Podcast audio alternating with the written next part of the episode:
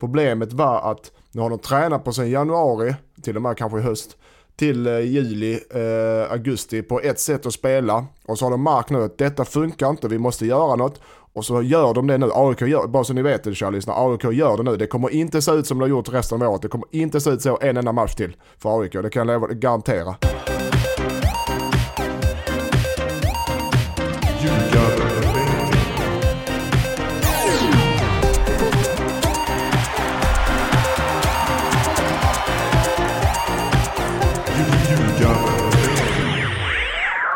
Det här är Ljugarbänken i samarbete med NordicBet. Det är dags att snacka allsvenskan igen och det har spelat massa fotboll som det alltid gör mellan gångerna vi pratar nu för tiden. Har det spelats någon fotboll eh, i Eskils minne är ju det, det alla sitter och undrar. Ja, det har det, inte i eh, Helsingborg men i Värnamo var vi. I, i eh, lördags och uh, åkte tyvärr på en förlust mot ett bra Värnamo ska sägas. Uh, de uh, tycker väl, som i alla andra matcher, 3-0 ska sägas. Som, så att underkänt såklart att åka upp på fler med 3-0. Som i alla andra matcher i den här serien så är det jämna matcher. Det är jämna matcher, alla matcher den serien. Och det är laget som som är ska säga, mest påkopplade för dagen och har, känner sig mest trygga och med självförtroende. De vinner oftast matcherna. Värnamo var bättre än oss jag tycker vi, jag ska inte säga att vi har en bra, men alltså det är ganska jämn match. Men Värnamo var heta annars. Lite, du vet, det är ungefär som, eh, vi kommer in på andra matcher här nu i Allsvenskan, men lite, de hade den här procenten lite extra när bollen dimper ner straffområdet så var de först, när andra bollarna de först. Eh, vi blev lite passiva i pressspelet, eh, stundtals på egen planhalva och så, du vet, vi hade stolpe ut istället för stolpe in. Så att, absolut, de var rättvis men vi saknade den eh, sista procenten och det kan bero på att vi eh, spelat mycket. Det kan bero på att vi inte, eh, ja. Det kan vara att jag har ut fel lag också. Man vill ha hungriga spelare. men själva, om man ska kolla tränarperspektiv så att vårt, vårt, vårt sätt att spela, både offensivt och defensivt, det, det, det är där och det är påkopplat. Det, det, pressen ser okej okay ut. Eh, offensiven ser okej okay ut. Vi, vi, det ska vi bara få ihop helheten så att säga. Så att eh, jag är ändå optimistisk trots att vi har det tufft. Eh, men vi har match imorgon mot Oskarshamn, hemma som tur är. Och sen har vi match på söndag mot Kviding så att det rullar på här nu med full fart. Det är ju eh, som topplag i Premier League när de också går långt i Champions League. Exakt, det är ungefär den eh, så jag tänker. Och sen har vi fått du, in en cupmatch gör... också. Svenska cupen, det ska dra igång igen. Du förbereder dig för framtida uppdrag? Ja, i Champions League menar du? ja, ja, ja, för fasen. ja, eh, Tobbe, Kungsbacka, vad händer där? Nej, det händer eh, ingenting skulle jag säga. Vi är lediga och har varit senaste veckan. Eh, drar igång igen med träning nästa vecka och har eh, 16-delsfinalen i DM den 25 tror jag, eller om det är 26. Eh, så att eh, just nu så är det ingenting som händer där. Vilka möter ni? Eh, Torup Ryde heter de tror jag. Division 6... Åter ett bra namn. Division 6 eh, motstånd i 16-dels, 8-delsfinal där vad det nu kan vara. Eh, så det borde bli en match där vi ska vara favoriter. Så att, eh, men det blir, vi har ju dålig koll på dem mer än att de ligger i division 6. Så att eh, det blir full, full påkoppling på de som ska vara med. Så vi får en match till. Eh, vinner vi den matchen så möter vi antingen Buljan eller eh, Stafsinge. Vilket är division, oh, vilket är division 3 och 4 då, så det kan bli en... Min, eh, min, gamla kollega, min assisterande hade i Tvååker, Andreas som tränar Stafsinge. De är inte så tokiga ska jag berätta för dig. De vinner ni inte över.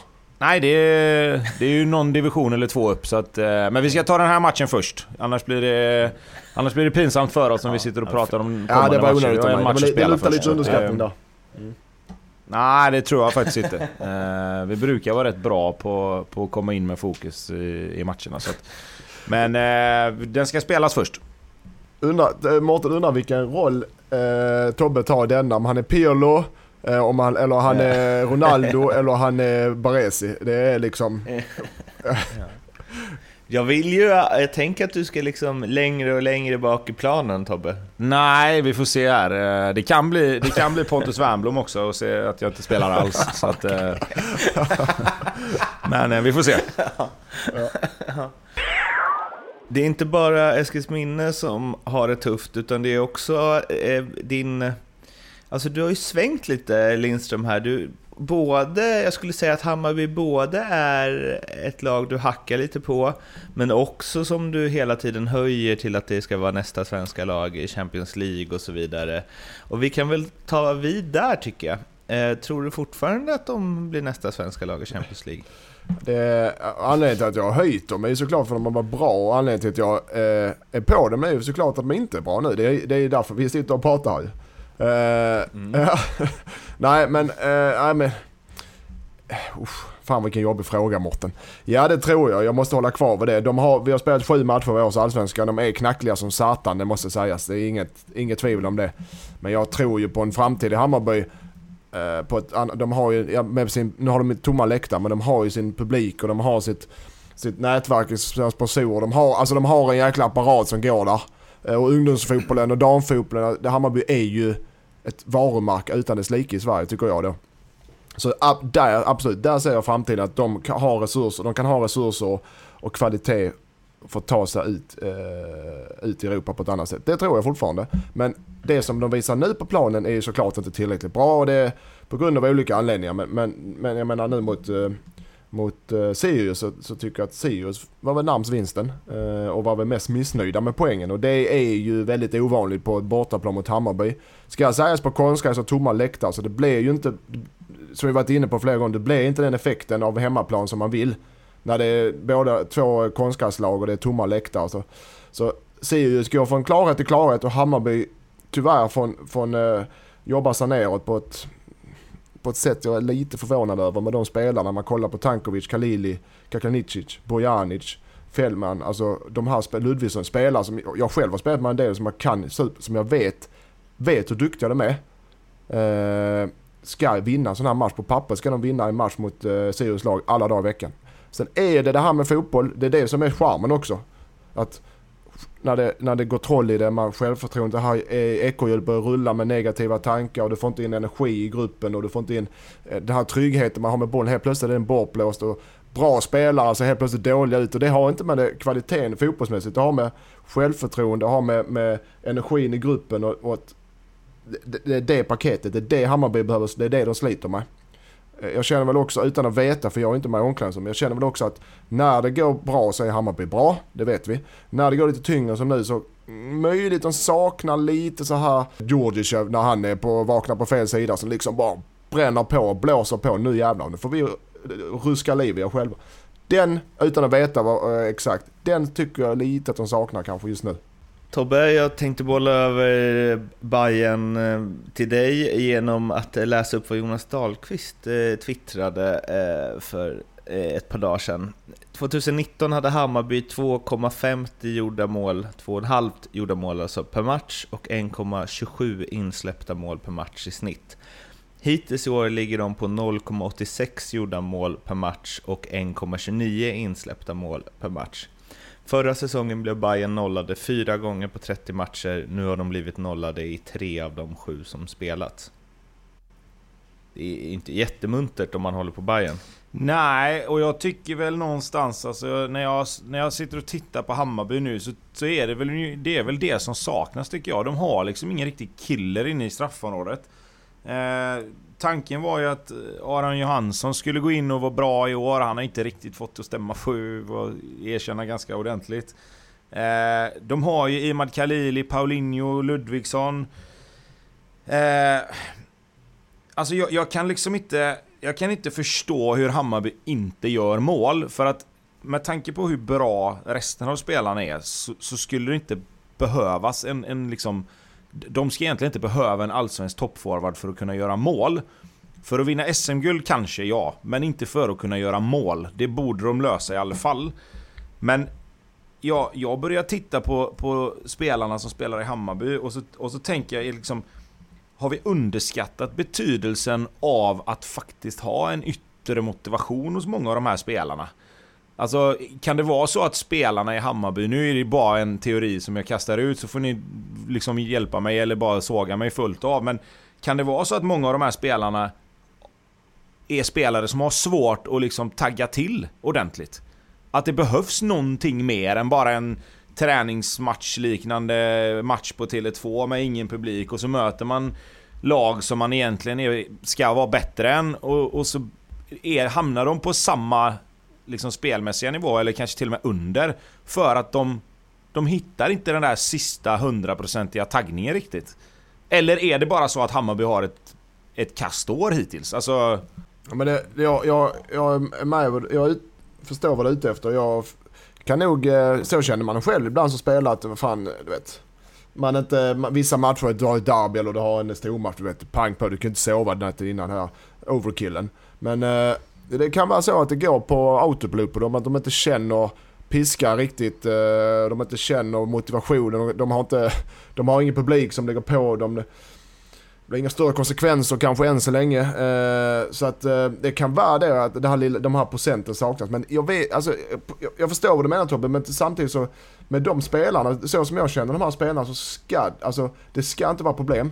De ska inte ha problem med de här spelarna inställningsmässigt att de här procenten man behöver för att tagga till. Om de möter Sirius för tomma läktare och de möter Djurgården på ett fullsatt eh, derby. Ska inte spela någon roll. De ska vara så jävla proffsiga, så jävla noggranna så de ska göra sitt jobb ordentligt ändå.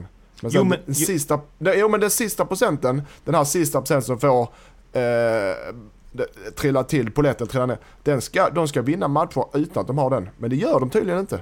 De ska kunna vinna på men, kvalitet, alltså, det jag menar. Jo, jo, alltså man, man ska kunna göra det. Det, det, ja. det, tycker jag ju också. Det kan man ju säga om alla lag. Men om det hade varit så enkelt så hade ju de bästa lagen alltid vunnit. Mm. Alltså, förstår du vad jag menar? Det är det jag menar. Att ja, jo, jag nu, vi, var inne på, vi var inne på om publiken påverkar det här med att det blir tryck och det blir liksom att motståndarspelarna får tryck på sig på bortaplan och att det är gött att ha med sig folk, mycket folk på bortaplan för man känner sig som att man spelar hemma. Men om vi, om vi, ska, om vi ska ta bort faktorn med, man säger att publiken är ju såklart en faktor, det har vi kommit fram till. Men vi måste ju också liksom någonstans vrida det till vinkeln att det kan ju finnas spelare som inte riktigt har liksom kapaciteten att tagga igång sig själva till 100% Jag menar det räcker ju att Hammarby spelare är på 95 Så ja. räcker ju inte det i många matcher. Men då har du, då har du, då har du det här Då har du helt plötsligt blivit en tränarfråga för att om du, om du kollar på eh, träningarna, var, träningarna varje dag och du ser vilka spelare som liksom är hungriga du, du, vet vad jag menar. Men nu, nu, som verkligen vill visa på allt de äger och har. Hela de offrar tån, eh, huvudet för att vinna matcherna. Då får man ju ställa dem på plan istället för att ställa de namnkunniga eh, som inte kan ta den här sista procenten. Det är upp till tränaren i så fall att se den lösningen.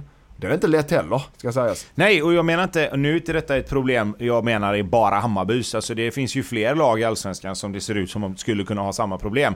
Men jag menar mer att du, menar, du har ju egenskaper som gör att du blir en bra fotbollsspelare. Vissa har en jävla fin högerfot, vissa är sjukt bra i luften, vissa är snabba, det finns de som vinner boll på ett helt fantastiskt sätt. Kan en egenskap vara att faktiskt trampa igång sig själv under de här omständigheterna och att det kanske aldrig har behövts förut? Så att nu märker man vilka som faktiskt kan göra det och som inte kan göra det. För jag menar, alltså Hammarby borta för Sirius är ju fortfarande en jävla rolig match. Mm. Men, Hammar, men Sirius hemma för Hammarby kanske inte är det på samma sätt. Om du förstår vad jag menar. Ja, jag fattar exakt vad du menar. Jag, jag... Ni har ju tidigare sagt att Sirius, eh, ja att det, de är bra men det kanske kommer komma en dipp och så vidare. Men de eh, tuffar ju på. Hur länge kan man tänka sig att eh, de fortsätter vara bra eh, och utan att den här dippen kommer då? Alltså när är det så här, nej, de kanske kommer vara så här bra hela säsongen? Kanske kommer det sluta sjua och inte tolva? Tobbe, den kan du känna på. Du är Sirius-experten här i detta program. nej, men, nej, alltså jag, jag, jag tycker Sirius, liksom, Sirius har ett jäkla fint grundspel. De, de spelar likadant vilka de än möter och de har, har gjort det jättebra. Men alltså, det man ska komma ihåg var ju att det året Sirius kom upp i Allsvenskan så ledde de väl Allsvenskan efter 7-8 matcher. Kanske till och med fler. Eh, och sen kom det ett jätteras. Vi snackar ju lite grann samma om, om eh, Kalmar. I de första tre matcherna, kanon och herregud nu är det bra. Nu har Sirius gjort det på ett helt annat sätt. De har hållit i några matcher till. Men jag vill inte liksom slå på stora trumman för Sirius riktigt ännu. De spelar bra, absolut. Det gör de. Det ska man inte ta ifrån dem. Men det är fortfarande ett lag som var tippade att hamna längre ner. De kommer absolut inte åka ur. Det vågar jag nästan säga nu. Eh, men jag, jag tror att mycket av det här är också att de kanske på ett sätt har löst den här omställningen till att spela utan publik. För att de har spelare som... De, de bara kör liksom. Det, det, spelar ingen roll. De, de, de lyckas med passningar och de har spelare som, som tar de här löpen och de får ordning på allting. Eh, jag vill vänta några matcher. Men, men därmed sagt så ska man ju säga att Sirius är ett av de lagen som spelat bäst fotboll i Allsvenskan. Det ska man absolut inte säga någonting om. Men att säga att de är liksom på riktigt, det är lite tidigt tycker jag. Jag skulle vilja se 5-6 matcher till och, och, se vad de gör när de möter eh, liksom eh, kanske lag som pressar dem på ett lite annat sätt än vad, än vad de lagen de har mött hittills har gjort. Nu beger vi oss till eh, Helsingborg där eh, det finns väldigt intressanta grejer att prata om. Förstås, HF tog första segern och AIK har det kämpigt. Det blir lätt att fokus hamnar på AIK här. Jag har ganska mycket jag vill prata mm, om gällande dem. Men först ska du få gotta dig lite Lindström, mm. tänkte jag. Absolut, den var, eh, den var eh, skön. alltså, så här, den var rättvis. Eh, så att det var inte... Det är alltid, man behöver, HF behöver poäng, eh, de är i botten av tabellen säger sig själv. Men olika sätt att vinna matcher på. Eh, det som är viktigt och det som är bra för HF är att de vann på ett sätt som fungerade. Det fungerade så även mot Djurgården där, att det fungerar, spelet fungerar, de kommer att ta fler poäng om de spelar på detta sättet. Uh, utan de behöver, inte, de behöver inte svina sig till en poäng hit och dit, utan så här kan de vinna matcher på riktigt så att säga. Och det har de visat nu. Uh, och det var jättekul att se och, de, och spelarna börjar hitta rätt. Och nu spelar de lite annorlunda och det är kul att se också att de, för jag tycker så som har spelat, det, det är Mellberg spel med 4-3-3 med lite markeringsinslag på mitten, tycker jag inte fungerat med de spelarna. Uh, det har blivit rörigt och blivit, nu spelar de väldigt tydligt ett 4-2-4 i pressspelet som jag personligen gillar, som vi också vill ha i vårt lag.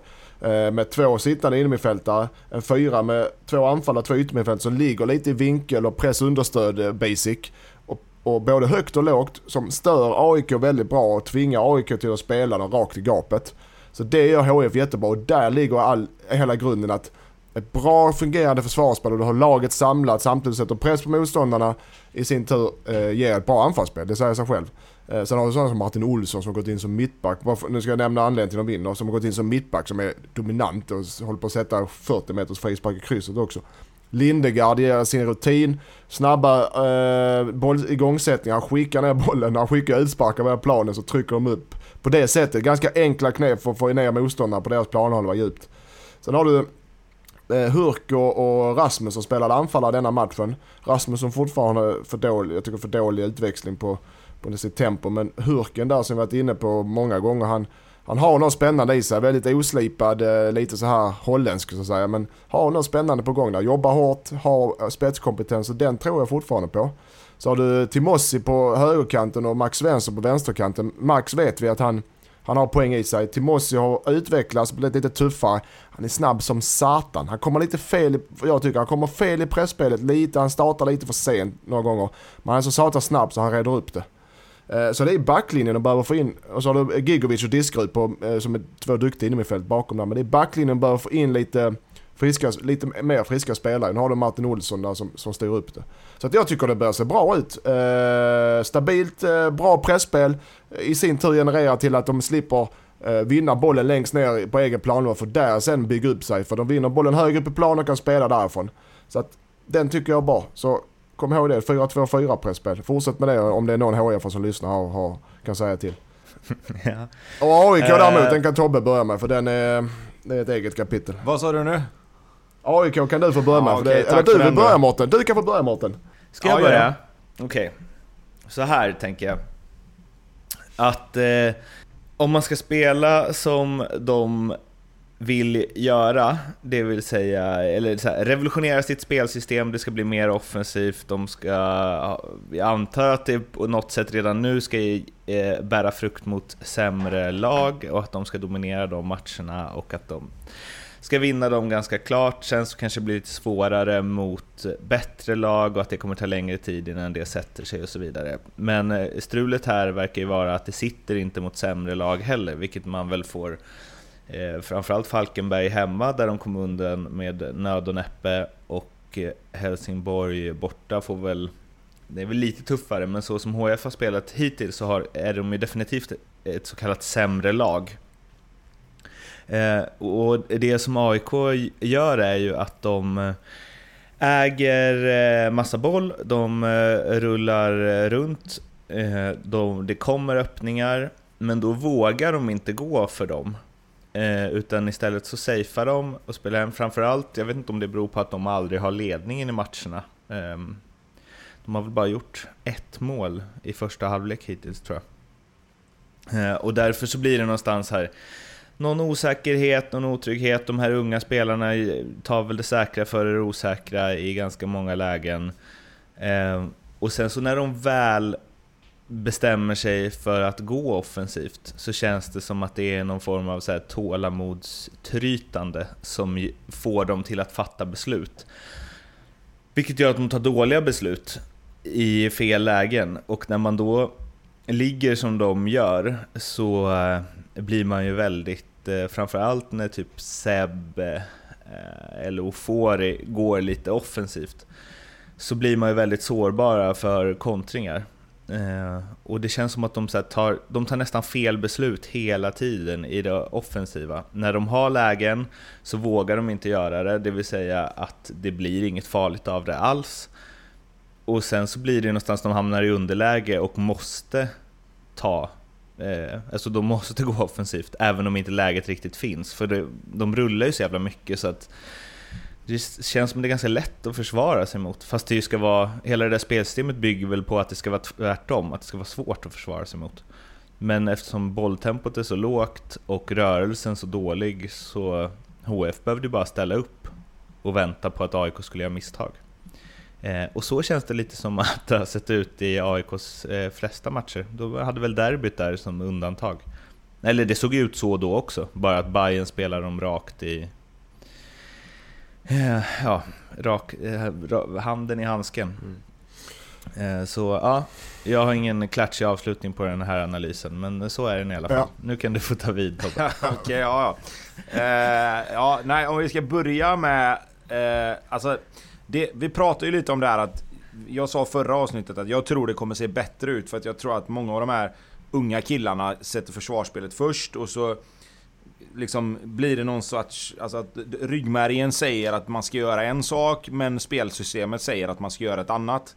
En annan sak. Eh, det, det, det vi glömde prata om förra gången då det är också att ska du sätta ett nytt spelsystem och du vill få liksom in de här unga spelarna.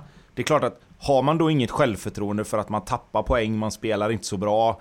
Eh, de unga spelarna får spela mycket, men de gör kanske inte exakt de resultaten som man hade velat att de skulle göra. Det, det betyder att de unga spelarna, en sån som Henok Goitom, kanske kan lita på den här, om man säger processen då. Eh, och, och, tänka liksom att han är trygg i sig själv, han har en lång karriär bakom sig, han vet exakt vad som gäller. Men de här unga spelarna, om de då inte får med sig resultaten så kommer det ju givetvis sätta sig på självförtroendet. Det kommer sätta sig på beslutsfattandet. För att istället för att spela med instinkt, som de antagligen har en väldigt, väldigt bra av, Eftersom de har tagit sig så långt, eftersom de har kommit upp i A-lag, fått spela A-lag, spela på träning, gör det bra med allra största sannolikhet. Eftersom de spelar match efter match. Då blir det så här. Alltså, har du inget självförtroende och du inte får resultaten med dig med ett nytt spelsätt så spelar det ingen roll. Du får vara extremt stark mentalt för att du ska fortsätta göra samma saker hela tiden även om det inte funkar. För att det till slut ska funka. Om du förstår vad jag menar. Alltså de gör ju säkert det de ska. Men som du säger Mårten, beslutet blir att här ska, här ska vi egentligen gå fram.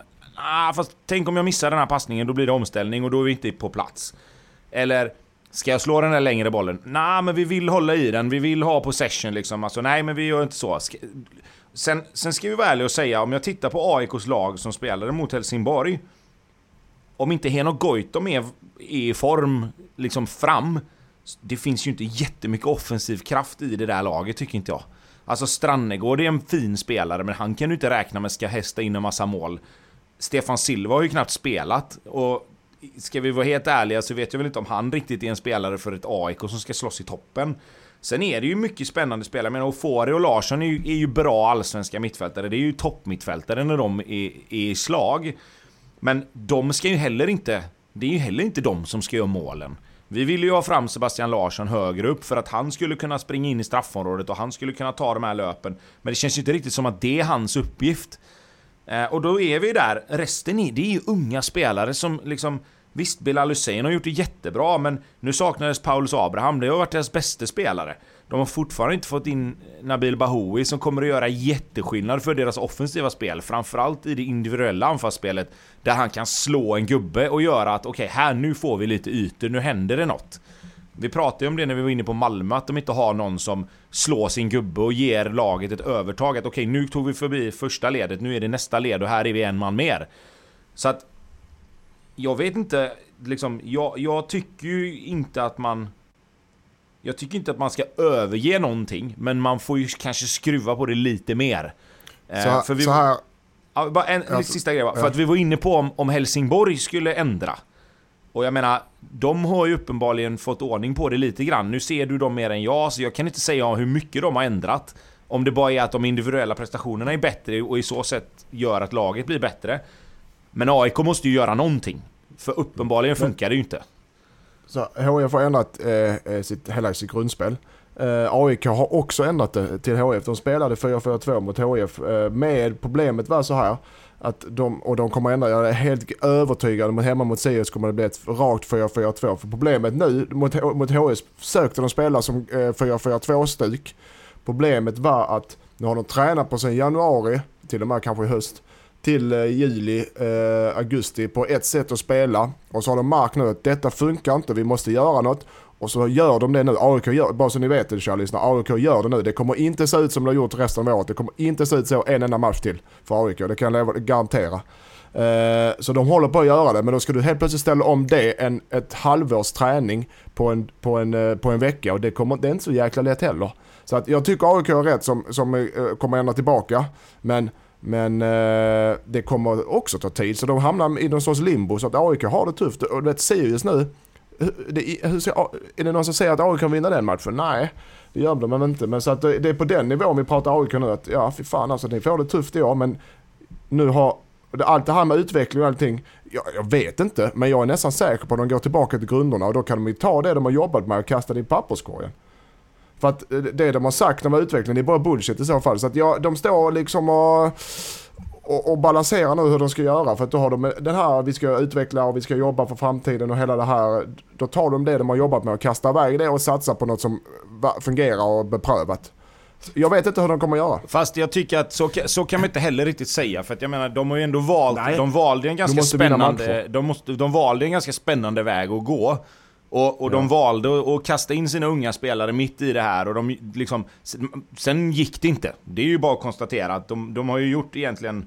Ja, Örebro första matchen kanske och sen Hammarby då. Det är två matcher där det har liksom sett riktigt bra ut. Sen resten har ju inte varit bra. Men Nej. att de försökte göra det det tycker jag absolut, alltså en, en eloge... Och mot Örebro såg det ju inte riktigt Nej, men bra. Då, jag menar, men, men då tyckte man ju ändå när vi satt och kollade på matchen mot Örebro så var det så här, ah, men de lyckades vinna och det var en bra start för dem och de får lite medvind här nu liksom. Sen kom Norrköpingsmatchen och så vart det kaos och så hela den biten. Men jag, det jag menar är bara att jag tycker att Ibland säger man friskt vågat, hälften vunnet. Här blev det ju lite så här, friskt vågat, men det funkar inte. Och för AIK som klubb så funkar det ju liksom inte att fortsätta med det här i tio matcher till och riskera liksom att, oh fan, nu är vi riktigt illa ute.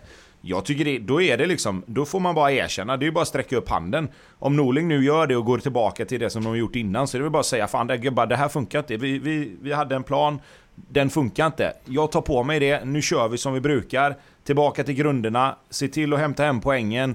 Och så, och så får man liksom, okej, okay, då får sätta sig ner och utvärdera det här sen när det får tid. Vad var det som inte funkar? Varför funkar det inte? Men det kan du inte göra mitt under säsongen och spela matcher tre gånger i veckan. Så att, Nej. jag tycker... Jag, jag tror jag tror inte de kommer gå tillbaka men de spelar alltså 4-4-2 mot HIF med, med lite smått eh, minimarkeringsinslag men inte något superöverdrivet. Så att, eh, jag tror det är det de kommer att spela på. Jag tror de kommer att spela likadant med Sirius, ett 4-4-2-stuk. Får jag bara testa en tanke här? Att eh, nu ska ju de, eller de ska väl kopiera Atalanta och de har ju lyckats eh, svinbra med det här. De var ju på vippen att slå Juventus nu senast och då hade det väl bara varit tre poäng eh, mellan dem i toppen av Serie A. Men eh, när man har ett system att så här, så här ska vi spela. Dels eh, är det klart att det behövs självförtroende för att man ska tro på det, framförallt bland unga spelare som du säger Tobbe. Men också så känns det som att eh, alltså offensivt spel, jag kan vara helt ute och cykla nu, men generellt så bygger väl det på någon form av, alltså lyckade offensiver bygger väl ofta på hyfsat stor form av kreativ frihet ändå. Att man, ska ha, att man har skickliga spelare som handlar på instinkt. Liksom. Medan man ser ju ofta mer alltså, sämre lag som har väldigt bra taktisk struktur defensivt som ändå överraskar. Eh, men det känns sällan som man har sett så sämre lag som bara helt revolutionerande med offensiv fotboll utefter en taktik. Alltså det bygger ju ofta på att du måste ha tillräckligt bra spelare. Och AIK är, har ju inte så pass mycket bättre spelare än något annat allsvenskt lag. Så att de kan liksom bara, mm, vi har skruvat här, vi spelar en taktik som ingen annan gör och eh, våra spelare är så jävla skickliga så de kommer lösa det offensivt. Förstår ni vad jag menar? Att det är ju för när du säger så här Tobbe, att bara, ja, de, här, de här unga offensivt begåvade spelarna kanske tänker att de vill göra så här och sen så bara, nej just det, vi har sagt att vi ska göra så här istället.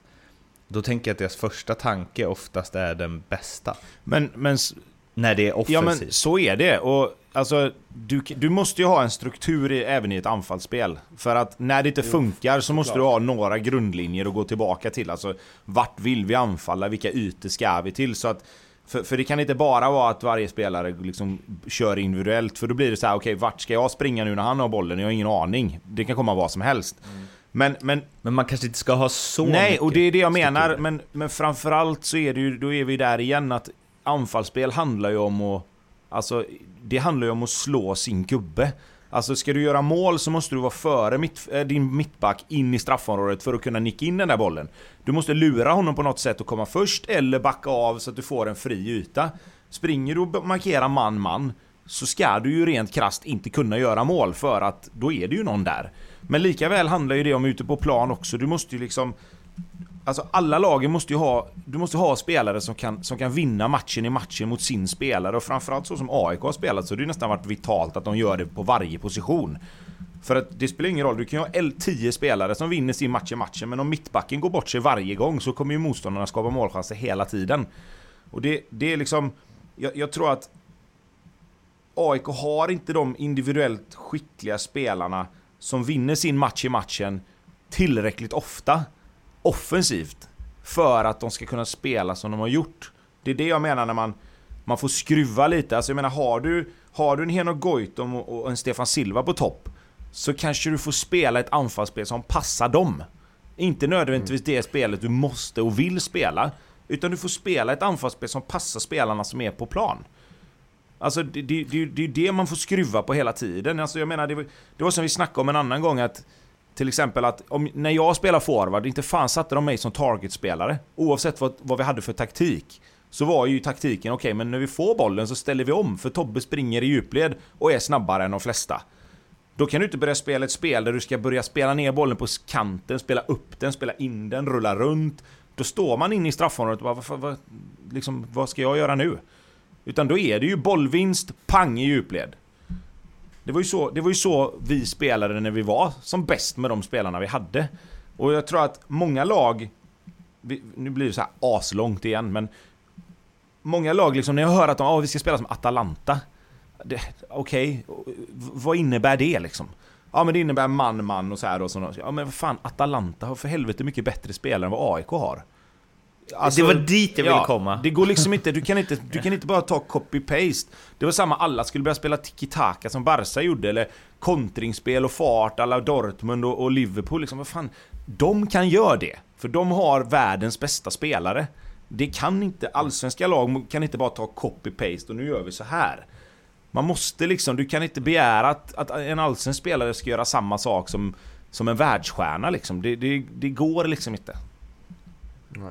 Och AIK, Slutligen om... ja, förlåt, I AIKs fall så har de, har de för dåliga, alltså HIF lät ju AIKs, både Mets och Tihi har bollen för de är för dåliga med bollen. De är för dåliga i passningsspelet. Så att de, de, de, de gav ju HIF bollen gång på gång på gång. Så där har du ett exempel. Ja, ni kan inte spela på det sättet för ni klarar inte det rätt tekniskt. Sen måste man ju också, men eh, alltså, oavsett hur saker ser ut i spelet med boll och så vidare, men typ Rasmus Linkvist på 1-0 målet. Hur kan man spela så dåligt försvarsspel? Ja, ja den tappar han hyfsat. Ja men för, ja, mig, är det, men alltså... för mig är det lika mycket kommunikation från de andra. För att om de, om de ser, alltså det är, det är ju ingen annan som hjälper honom heller. Alltså om, om det nu är så att Rasmus Lindqvist, okej okay, han tappar sin gubbe. Han, han blir bolltittare och, och uh, Timossi smyger in bakom ryggen på han. Men målvakten kan ju skrika åt han att bakom dig, backen bakom får ju antingen då ropa till Lindqvist, du får backa fem steg. Eller springa och ta den spelaren själv. För han är ju mer farlig än vad spelaren som är bakom honom är. Det är det jag menar, alltså där har du också beslut. Visst, det är enkelt att hänga Rasmus Lindqvist. I grund och botten är det hans spelare och som AIK kanske spelar då, så är det väl hans spelare. Men det är ingen som hjälper honom heller. Det är ingen som hjälper honom. De är tre, fyra spelare som liksom säkert ser att okej, okay, men där är en fri gubbe. Sen kanske inte man hinner alltid. Men, men för mig blir det så här, det är hans gubbe. Det är inte mitt problem. Ja, nej absolut. Sen så om det hade handlat om att backa fem steg eller liksom att man har tappat sin gubbe lite. Han hade ju behövt backa 25 steg. Alltså var, vad gör han där? Nej, nej, nej. Alltså återigen, alltså. i grund och botten är det ju Rasmus Lindqvists fel. Han, han blir ju alldeles för bolltittande. Men jag menar bara att det känns ju liksom inte som... Hör, hade han hört liksom Rasmus bakom dig så hade han ju bara titta bakom sig i alla fall. Men det gör han ju inte heller. Mm. Uh, nej, precis. Uh, ja, det var eh, AIK-podden. nu blir det dags att ringa upp Leopold Neurath på NordicBet för att snacka lite specialodds. Hallå. Hej Leopold Neurath. Hallå. Tjena. Hur går det då? Du låter taggad. Ja, som aldrig förr. Ja, det är ja, väl exakt. som det, det känns lite som det är lite serielunk eller? Nere på Malta kanske, men inte här hemma. Nej, okej. Okay. Jag har ju satt men, upp men... Eh, nya odds för vem som blir nästa coach och blir sparkad förresten. Har jag sagt det? Fan, ni, ändrar från, ni är värre än oss. Ni ändrar från vecka till vecka i detta programmet alltså. Eller är där nere på den ön. Men kör, kör. Vilka odds har du? Ja, vem är favorit nu då? Lindström. grattis till segern förresten. Ja. ja, vi förlorar. Men eh, alltså HF Ja, såklart. Ja, tack. Ja. Eh, Norling måste ju ligga i topp Fast de säger att han sitter säkert. Ja, jag har fortfarande Mellberg som favorit alltså. Nej. Vansinne säger du? Nej. Du ser, säger emot där eller? Ska... Ja, men, alltså, men, men, vet du vad Leo, Leo, ditt jobb, alltså för det första, om Mellberg kan, han kan sticka själv, men HF kommer inte säga ut på för de har inga pengar för det första. För det andra så eh, ser man att det han gör nu börjar fungera, eller nu har han ändrat sätt att spela så att det är inte hans sätt som fungerar. Men det de gör, det HF gör fungerar. Sen kommer HF, som jag sagt, de kommer ha kniven på strupen hela året utan tvivel. Men det han gör med det materialet är okej, okay, så därför kommer de fortsätta med honom. Okej, okay. så det är så länge han pallar alltså? Ja, lite så. Jag vet inte, men det är det jag tror ja. Ja, gott snack. Hur ser en... Jag...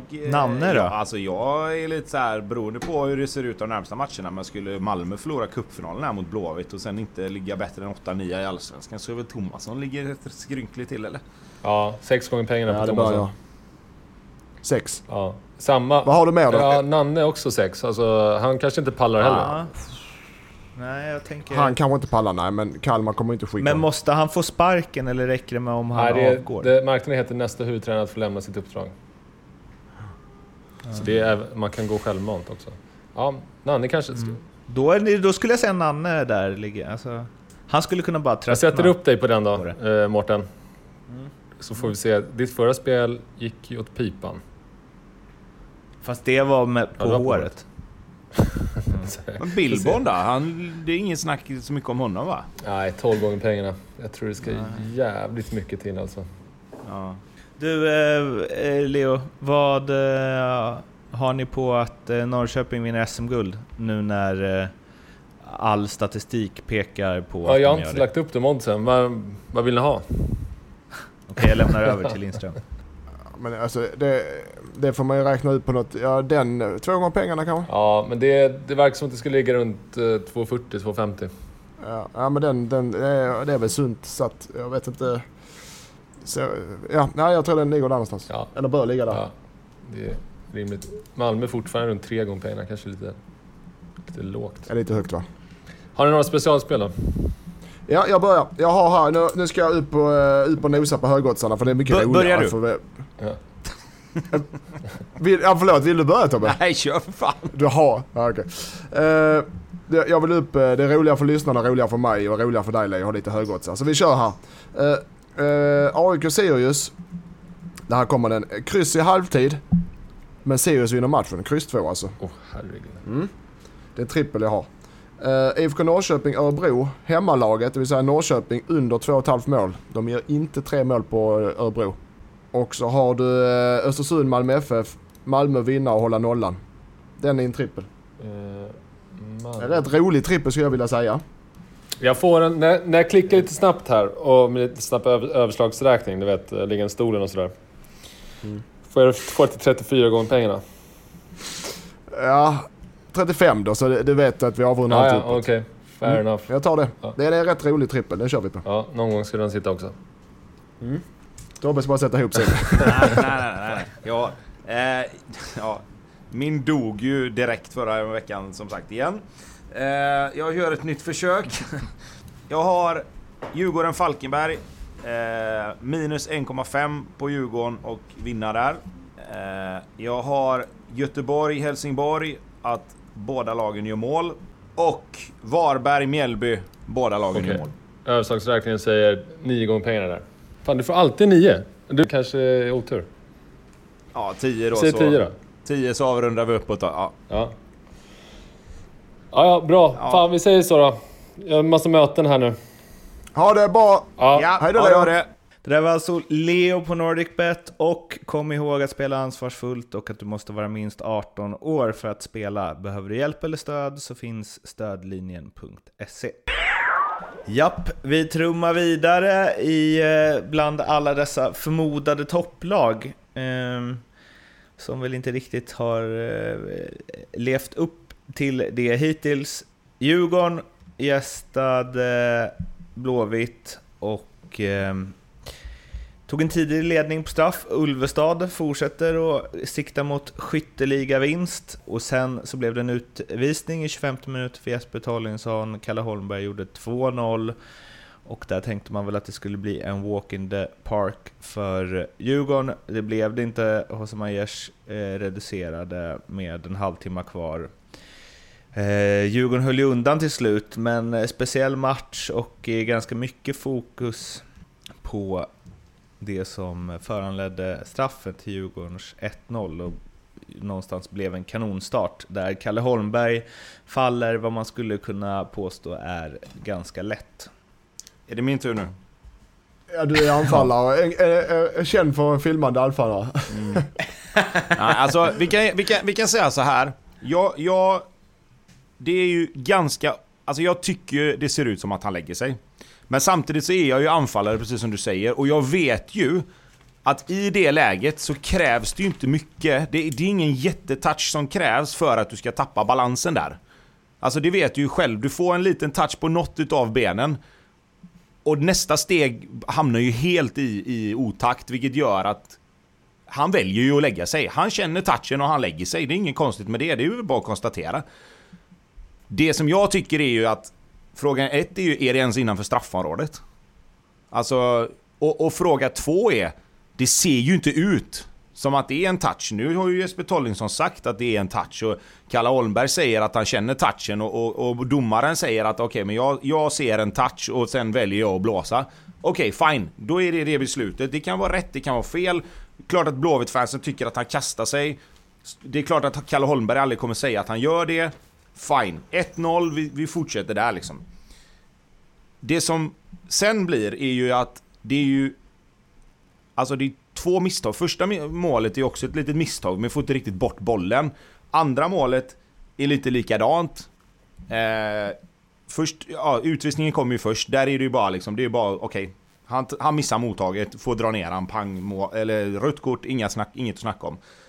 Andra målet, återigen misslyckad rensning. Bollen kommer ut, skott som studsar på två man. Kalle Holmberg är först på bollen, mål, inget att snacka om. Okej, 2-0, en man mindre.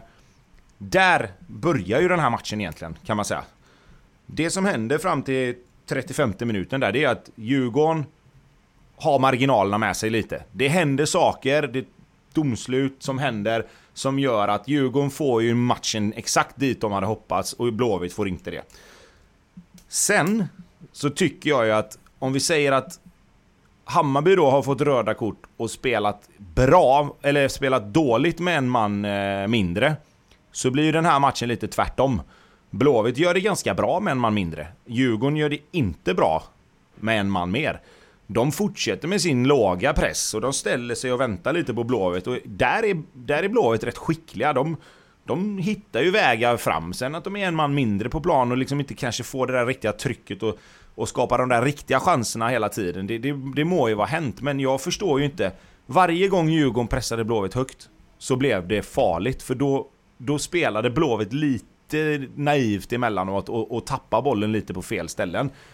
Så att, att de inte går upp och pressar högre till att börja med, med en man mer, är för mig jättekonstigt.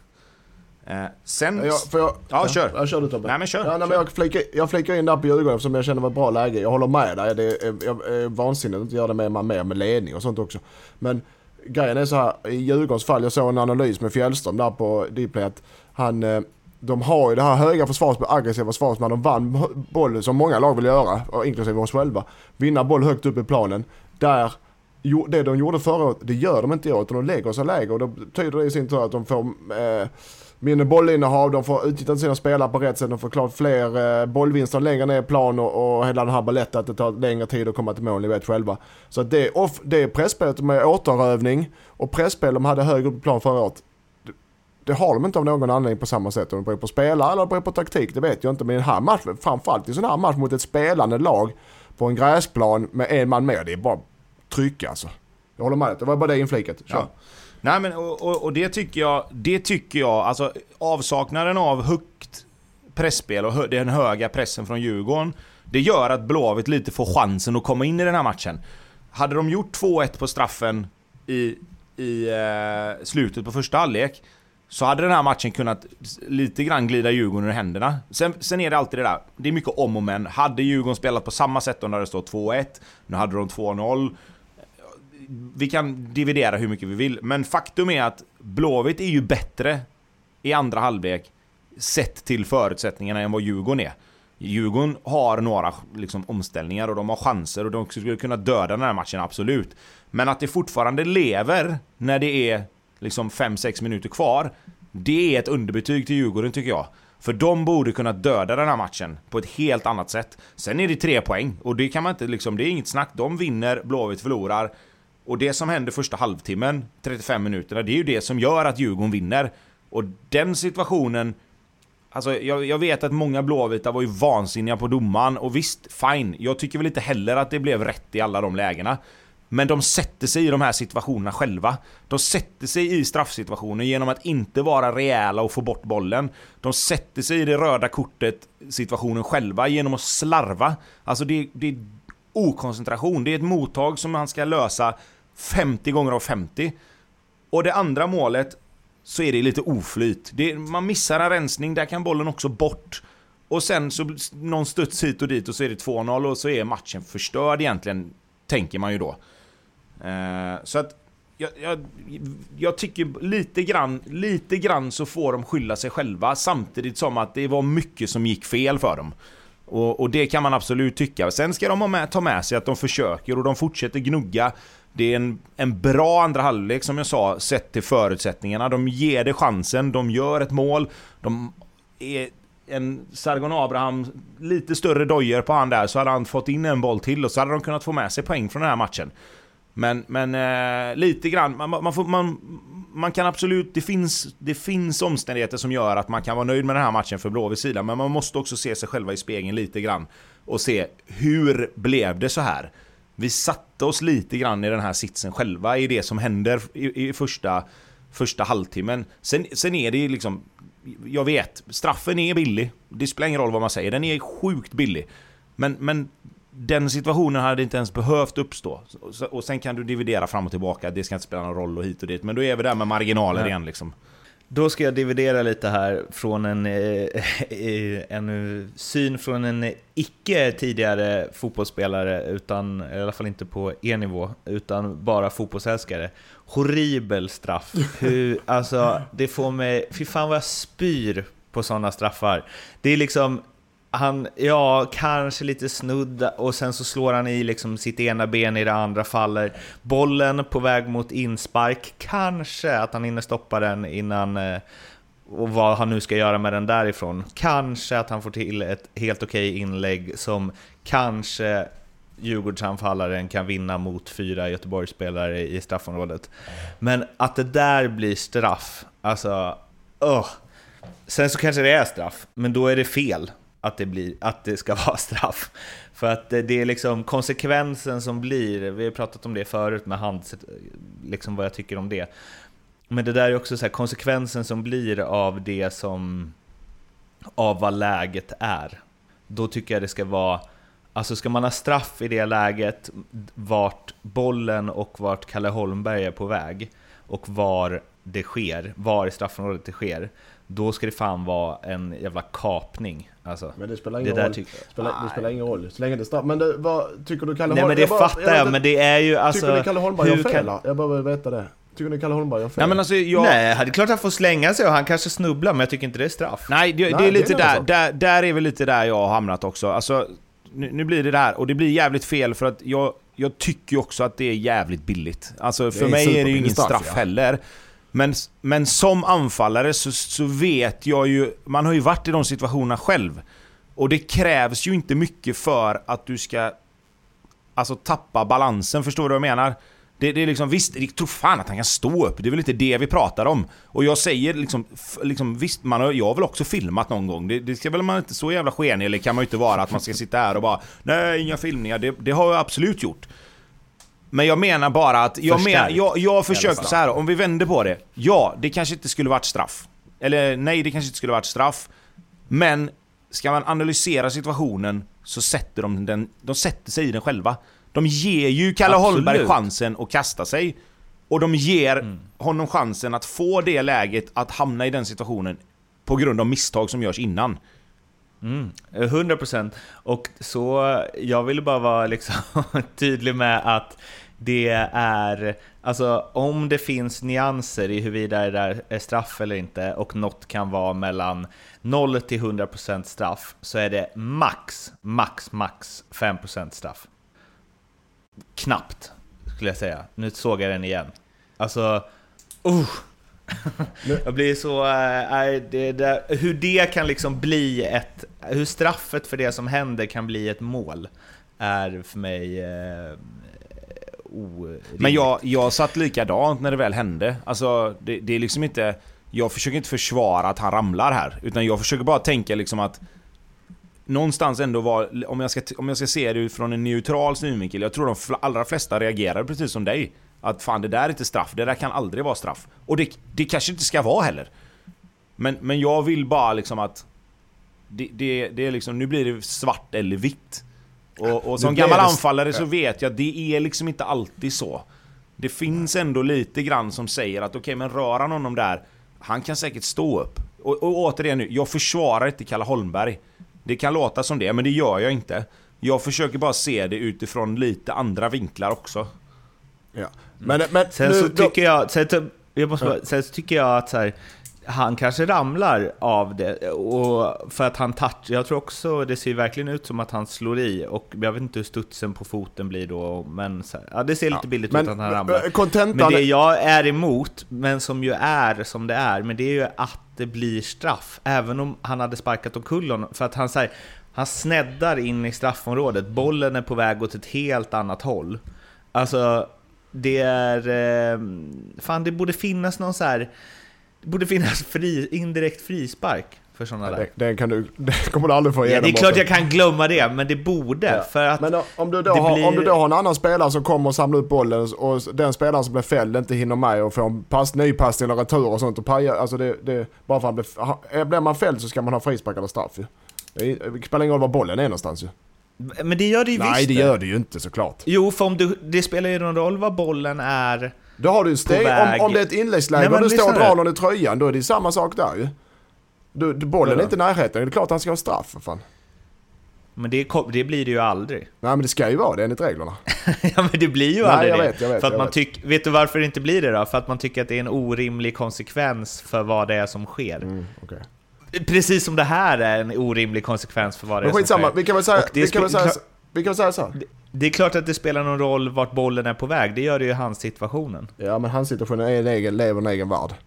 Det är ingen... Eh, ja men vi säger så Om bollen är på väg ut mot hörnflaggan då, eller, och, eh, och, och Holmberg springer efter den och får en touch, men bollen är fortfarande i spel och han trillar då, eller han blir fälld, vi säger han blir fälld. Men alltså den fällningen i sin tur kan ju paja för han gör mål en sekund senare. För att det kan komma ett inlägg från bollen, någon samlar upp den och slår ett inlägg och han tar retur. Alltså, så, så det är de konsekvenser man får tänka på om man fäller någon i straffområdet. Alltså jag tycker, alltså fäller i straffområdet så är det straff ju. Var bollen än är någonstans. För, för grejen är att... Ja, om du fäller någon ja. ja. Men inte om du springer på någon som sen vars ben touchar sitt eget ben och sen nej, ramlar personen. Nej, då är det inte nej. Men grejen är så här, så här då, för om jag ska vara här, Feldömda straffar, den var också, för den var fel, feldömda straffar. Fan, i Göteborgs fall, ni förlorar matchen, ni, förlorar, alltså, ni fick en straff mot er, ja, feldömd, ja, men för helvete, skit i det nu för fan. Jag, Ja, och jag skiter väl i hur det går för Blåvitt eller Djurgården. Ja. Jag bara blir arg på den här situationen. Ja, jag menar, ja, jag, jag förstår det, men om jag pratar med göteborgarna om den lyssnar. Feldömda straffar händer, glöm det och gå vidare. Men det jämnar inte ut sig, men det är en senare diskussion. Så, punkt. Vi fortsätter i toppen av tabellen och en eh, viktig eh, match där Eh, Malmö FF tog emot Norrköping, MFF tog ledningen genom ett fint mål av Sören Rex och med två minuter kvar så kvitterade Norrköping genom ett sjukt fint mål av Pontus Almqvist. Eh, världsklassaktion av, eh, vad är han? 19 bast. Eh, eller? Ja, han är så, han är så satan snabb. Han gör detta. Han är snabb. Första touchen avgör ju helt. En fantastisk första touch. Sen är han så snabb så att Malmöspelarna hinner inte helt enkelt med. Så man kan diskutera vad de kan göra bättre och inte bättre. Men den första touchen han får och med den speeden han har. Ja, alltså jag håller med dig det är ett jättefint mål. Så, så hinner du inte med. Då måste du stänga. Då må, ja, avslutet liksom. Men den, den ska han sätta. Men den inte sätta. Men den är, och liksom, den är inte något överdrivet. Men första touchen och första stegen. Där, där, där går det riktigt, riktigt jävla snabbt. Och det hänger inte de med. Och de kan inte stänga honom för det blir straff liksom. Så han gör det bra. Han hade också kunnat slänga sig där när Lewicki nuddade honom. Mm. Nej, vi ska inte in på det. Men, eh, Eh, men 1-1 och eh, hur man ser eh, Norrköpingsspelarnas reaktion efter det här målet, så visst absolut, de gjorde ju mål och kvitterade i slutskedet. Men det känns som att det är mer känslor än bara just den här matchen i, i det jublet. För det är klart att Norrköping kom vinnande ur det här, om man ser det ur ett större perspektiv. Eh, ja, alltså, nu är det ju fortfarande väldigt tidigt och sådär, men det är klart att jag skulle väl säga att spela oavgjort borta mot Malmö FF hade väl Norrköping tagit innan serien alla dagar i veckan. Eh, framförallt med, med situationen som de är nu, att, att hålla dem bakom sig och fortsätta ha liksom rätt många poäng ner till om man säger då de lagen som kanske ska vara eh, tänkta och, och slåss i toppen. Nu har ju Visst, det är fyra poäng ner till Elfsborg bara och Elfsborg har gjort det fantastiskt bra, men det kommer vi till sen. Men det är klart att Norrköping sneglar ner mot Djurgården, Malmö, Hammarby. Liksom det är de lagen, det, det är, den, det är den, det försprånget de vill ha tror jag. Eh, och hade, hade de haft, hade de haft eh, slutet på matchen som resten av sin säsong så hade de ju fan kunnat göra ett mål till. Eh, så att det, det, är klart att eh, det var en jämn match och, och det liksom Malmö, Malmö gör det bra många, många gånger. Och liksom, det, jag tycker återigen, det är lite det där sista lilla i, i Malmö som inte riktigt finns där än. Eh, jag tycker Ola kommer i, i många fina lägen precis utanför straffområdet och en lite mer matchtränare, Ola Toivonen, tror jag trycker dit någon av de skotten han har. Eh, lite mer, alltså får han några veckors träning till och är lite mer bekväm så kommer han, liksom hittar han de ytorna utanför straffområdet så som Anders Christiansen gjorde innan Så kommer han göra fler mål utanför straffområdet än vad kanske till och med Christiansen gör. Eh, så att där har ju Malmö absolut ett, ett sparkapital. Jag tycker det ser intressant ut med hans positionering och hans liksom... Han kommer till lägen redan nu. Eh, sen är ju Norrköping extremt vassa. Extremt vassa individuellt framförallt. Nu fick de in Levi idag eh, i den här matchen igen. Och det, det, kommer att, det kommer att gå fort när, eh, när Norrköping spelar. Eh, som sagt, de är ju bara en stolpträff ifrån att få med sig alla tre poängen. Och det kanske inte hade varit helt rättvist, men, men det är ju där Norrköping är nu. De, de, är ju, de är ju så pass bra att de kan vinna matcher när de inte riktigt spelar på topp. Vi ska ta eh, ytterligare en Jonas Dahlqvist-tweet. Um, på tal om de här lagen vi gått igenom nu idag hittills. Um, skrev han så här, Allsvenskan på 2000-talet. Ingen blivande mästare har legat sämre än sexa efter sju omgångar. Eh, AIK låg sexa 09, Norrköping låg sexa 2015. Och ingen blivande mästare har hämtat in mer än 7 poäng på serieledarna efter sju omgångar. MFF gjorde det 04. Och MFF har ju precis 7 poäng upp till Norrköping. Dock så ligger de ju inte topp 6, utan om den här 2000-talet statistiken ska fortsätta gälla så är det ju Varberg, Djurgården, Sirius, Mjällby, Elfsborg och Norrköping som slåss om guldet då. Ja, om man ska tro på den statistiken så blir det ju det. Men det... det, det vi, vi, säg, dem, säg dem igen. Säg dem igen. Varberg, Djurgården, Sirius, Mjällby, Elfsborg, Norrköping. Det är ändå 20 års... Eller vad blir det nu? 19 års statistik ja. vi lutar oss mot. Men det är jättetråkigt i så fall. men uh, ja... Uh, jag, uh, ja, det, ja, men är så här då, en så här då, statistiken är svart på vitt, men i det här fallet så är det corona-allsvenskan som aldrig har varit innan så det, det är lite upp och nervänt. Så den statistiken är jag inte riktigt hundra på det, just detta året. Nej, sen är ju Häcken och Malmö har ju samma poäng som både Varberg och Djurgården som ligger femma, sexa. Så att då får du väl i alla fall ta med det i beräkningen just den här, mm. det här året. Men sen är det ju så som mm. du säger att statistik är ju statistik för att det har varit så. Alltså det går ju inte att blunda. Många säger så ja ah, men det är ett nytt år och det är nya spelare och det är nya lag och bara jo, jo visst men det har det ju varit innan också. Det, det, det, men alltså det finns ju, alltså statistiken finns ju för att det är fakta. Det är ju ingenting man kan tycka någonting om, utan så är det ju. Det har inte varit så något annat år. Och då kan du inte bara, ja men fast det tycker inte jag. Fast det är ingenting du kan tycka någonting om. Eh. Men AIK och Bayern är alltså borta, de kommer inte vinna guld. Det finns ju inget, de är ju utanför eh, den här topp sexan, även om man räknar in eh, lag på samma poäng. Och de har ju ja, de mer än vinna. sju poäng upp till Nej, det, det, det ska ju mycket till om någon av dem. För det första, AIKs prestationer och Hammarbys prestationer är för dåliga. Men att de ska vinna guld när, de har, eh, när AIK har åtta poäng och Hammarby sju poäng. Tror de har. Bayern också. Och åtta poäng efter, efter och ledarna har 17 poäng. Det, nej, det är klart att det inte kommer att göra. Nej, nej det var de säsongerna. Precis. Ja men du har fortfarande det som klubbarna är enda de är ute efter. Det är klart att det är SM-guld och Champions League men det är få klubbar som klarar av det. Det enda de är ute efter är Europaplats, klubbarna. Det är det, som ni vet, det är det enda klubbarna är ute efter. Men, men, i det här så känns det, för man räknar ju någonstans med att Mjällby och Sirius, de kommer inte hålla i det här. Eh, Elfsborg är fortfarande obesegrade. Mm. vilket är jävligt Älvsborg är starkt. Så, Älvsborg, jag, jag pendlar upp och ner här. Vi skiter vi låter dem ligga. Första halvlek igår var dålig, andra halvlek var jättebra. Så att vi låter dem ligga, de vann igen. vi låter dem vara. Men eh, sen så är det ju Djurgården eh, som ju eh, det haltar och sen MFF. Och det blir någonstans, det är så lätt att ryckas med när ett lag går bra och spelar bra och har roliga spelare och så vidare. Men Norrköping har ju alltså plus 11, närmsta lag har plus 3. Eh, och de leder serien med 4 poäng, där de som ligger närmst är ju Elfsborg och Mjällby och sen Sirius. Sen är det sju poäng ner till första lag, eller de, Malmö och Djurgården, som ju på förhand någonstans kan, ska utmana om guldet. Ja, det var... Det är ju, eh, visst, det är 23 matcher kvar, men att allt bara ska svänga helt plötsligt och att de börjar förlora massa och Djurgården och Malmö inte har problem med sitt spel. Ja, det kanske är från omgång åtta allt ändras. Nej, men jag tror det som, man ofta, det som jag ofta tänker när man, man tittar på en tabell, det är ju liksom okej, okay, hade Malmö kunnat komma sju poäng före Norrköping över 30 matcher? Och det, ja, det hade de ju kunnat göra. Hade de kunnat göra det på 23 matcher? Ja, det hade de väl kanske kunnat göra. Det är klart de kan det. Men då, då, då utgår man ju också ifrån att okej, okay, men då ska Norrköping tappa lite och bli lite sämre. Samtidigt som att Malmö, man bara ja, men det är bara tre raka vinster. Jo, jo, men vad är det som talar för att Malmö plötsligt ska vinna tre matcher i rad? Nej, nej men förstår du vad jag menar? Alltså visst, ja, Hammarby ja, kan... Och att Norrköping måste nej, förlora men, och, Visst, och Hammarby kan väl vinna tre matcher i rad. Det kan, det kan ju Malmö, det kan, vi, det kan egentligen vem som helst göra. Men de har ju inte gjort det.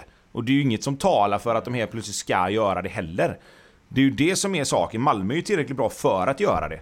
Men, men varför skulle de helt plötsligt bara, ja men nu, pang, nu hittar vi, nu, nu låste vi upp alla knutar och, och grejer här, så nu kör vi över alla i fem omgångar här. Det kanske blir så, men återigen då. Norr, då ska ju Norrköping inte ta en enda poäng de närmsta 3-4 matcherna för att det ska kunna vara liksom nollställt igen. Och det har jag ju svårt att se också. Så allsvenskan är inte avgjord med nästan? Nej, men jag tror så här. Jag tror, jag tror att alltså... Det, det, jag tror det kan bli så här att det laget som ska vinna Allsvenskan i år måste ju ha en svit på 4, 5, 6 raka vinster för att det ska bli liksom... Om det inte ska bli någon av de här andra lagen då som är i toppen nu. Ska Malmö, Hammarby, AIK eller typ, ja vilka det nu är eh, vinna Allsvenskan i år så behöver de vinna 4, 5, 6 matcher i rad någon gång under säsongen. För att det ska överhuvudtaget vara möjligt, det tror jag. Mm. Och vi ska väl säga så här då. Hade eh, stolpskottet eh, gått in igår i slutet i Norrköpings, eh, som rullar längs bakom Dalin, då hade det varit avgjort. Nej. Nej det hade det ja, inte. Alltså, det hade de haft 19 men... poäng, då hade de haft 19 poäng. Ja, men det hade inte varit avgjort. Men jag säger fortfarande det. Jag tror det laget som ska vinna, om Norrköping kan fortsätta som de gör, det, det gör de liksom. De kommer inte vinna alla matcher heller. De kommer få stryk till slut. Men jag tror att det är så. Liksom. Det, det har blivit en sån serie nu. Dels är det så pass jämnt. Men det, det, kommer behövas en sån monstersvit av något lag för att blanda sig i ordentligt. Liksom. Det, ja, det tror jag. Det med Norrköping är ju också, vi var inne på det sist, men de har ju mött de har liksom mött alla topplag, eller förmodade topplag, utom Bayern va? Eh, så deras spelschema nu är så Örebro hemma, Sirius borta, kul match. Den ser jag fram emot. Eh, Varberg hemma, eh, Falkenberg borta, Mjällby hemma. De kanske börjar liksom choka mot de här lagen som inte ska vara i toppen. Eller så är det att de, alltså för det är nästan ännu mer imponerande, att de har haft ett svintufft spelschema i början. Jag lyfter också. ett varningsfinger för Örebro, eh, ska sägas, mm -hmm. på mhm. hemma, nu, hemma mot Örebro. Den är inte så lätt. Jag tror de vinner, men det är, det är fan alltså. Så nu vet du det. Mm. Mm.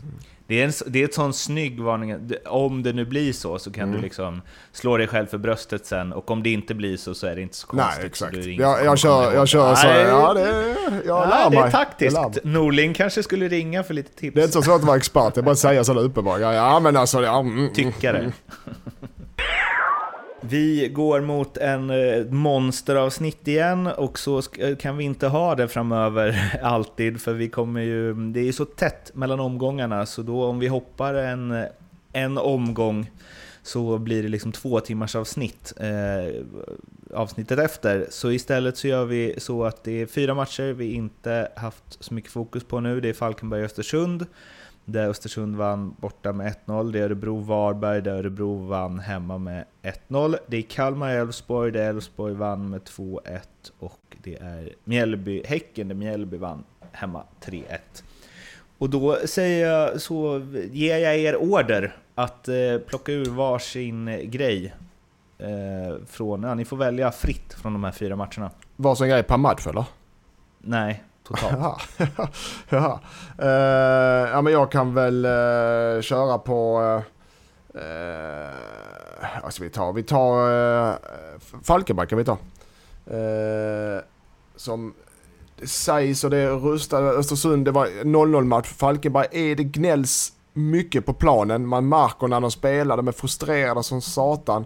De behöver vinna de här matcherna mot Östersund om, om de inte ska bli avsågade för tidigt. Eh, det märks att de är frustrerade. Det gnälls på domaren, det gnälls på, man hör ju allt nu. Det gnälls på medspelare och, och Hasse med all rätt, Eklund då, säger till spelare alltså, skärp till det men, men får inte den effekten riktigt. Så att där är, de är frustrerade i Falkenberg, eh, är min, eh, min känsla. Och hade inte riktigt, alltså Östersund hemma skulle gå ut och så skulle du bara med huvudet stålsättade. De hade inte, inte, precis som vi saknar vår match mot Värnamo, de hade inte den här riktiga procenten för att vinna den matchen. Som de hade behövt vinna. Och ett Östersund som har bytt tränare ska vi säga också, det fick jag sagt det. Ja. Eh, jag gör så här snabbt att jag väljer att eh, fokusera på två spelare som vi har gnällt en del på och som vi inte riktigt eh, trodde skulle kunna lyckas med vidare. Men som gjorde två klassavslut i de här matcherna. Först Agon Mehmeti i Örebro. Fantastiskt mål. Alltså magisk volley. Att träffa den så bra som han gjorde och dessutom få hem tre poäng på den. Mycket, mycket bra. Mycket bra. Fint avslut. Eh, och likadant Samuel Holmén i Elfsborg. Gnällt på honom att han inte har varit tillräckligt bra. Han tar emot med högen och skjuter med vänstern 91 minuten tror jag. Tre nya poäng till Elfsborg som hittar nya sätt att vinna varje vecka. Eh, så de två spelarna får symbolisera den här veckan lite. Två eh, allsvenska gamla godingar. Precis. Är det ju. Precis. yes, det var alles för det här programmet. Eh, vi kör kanske tisdag, fredag framöver, kanske hoppar vi fredagarna. Vi får se lite, vi håller er på halster där. Ni får sitta och uppdatera er poddapp på båda dagarna så får ni se vad som dyker upp. Eh, vill ni surra med oss på annat sätt så finns vi på Twitter, vi finns på Instagram, vi finns på Facebook. Så det är bara att höra av er där. Och glöm inte att prenumerera på podden så slipper ni sitta och uppdatera den. Bra tips. Må gott så hörs vi snart igen. Hej då! Hej hej! hej, hej.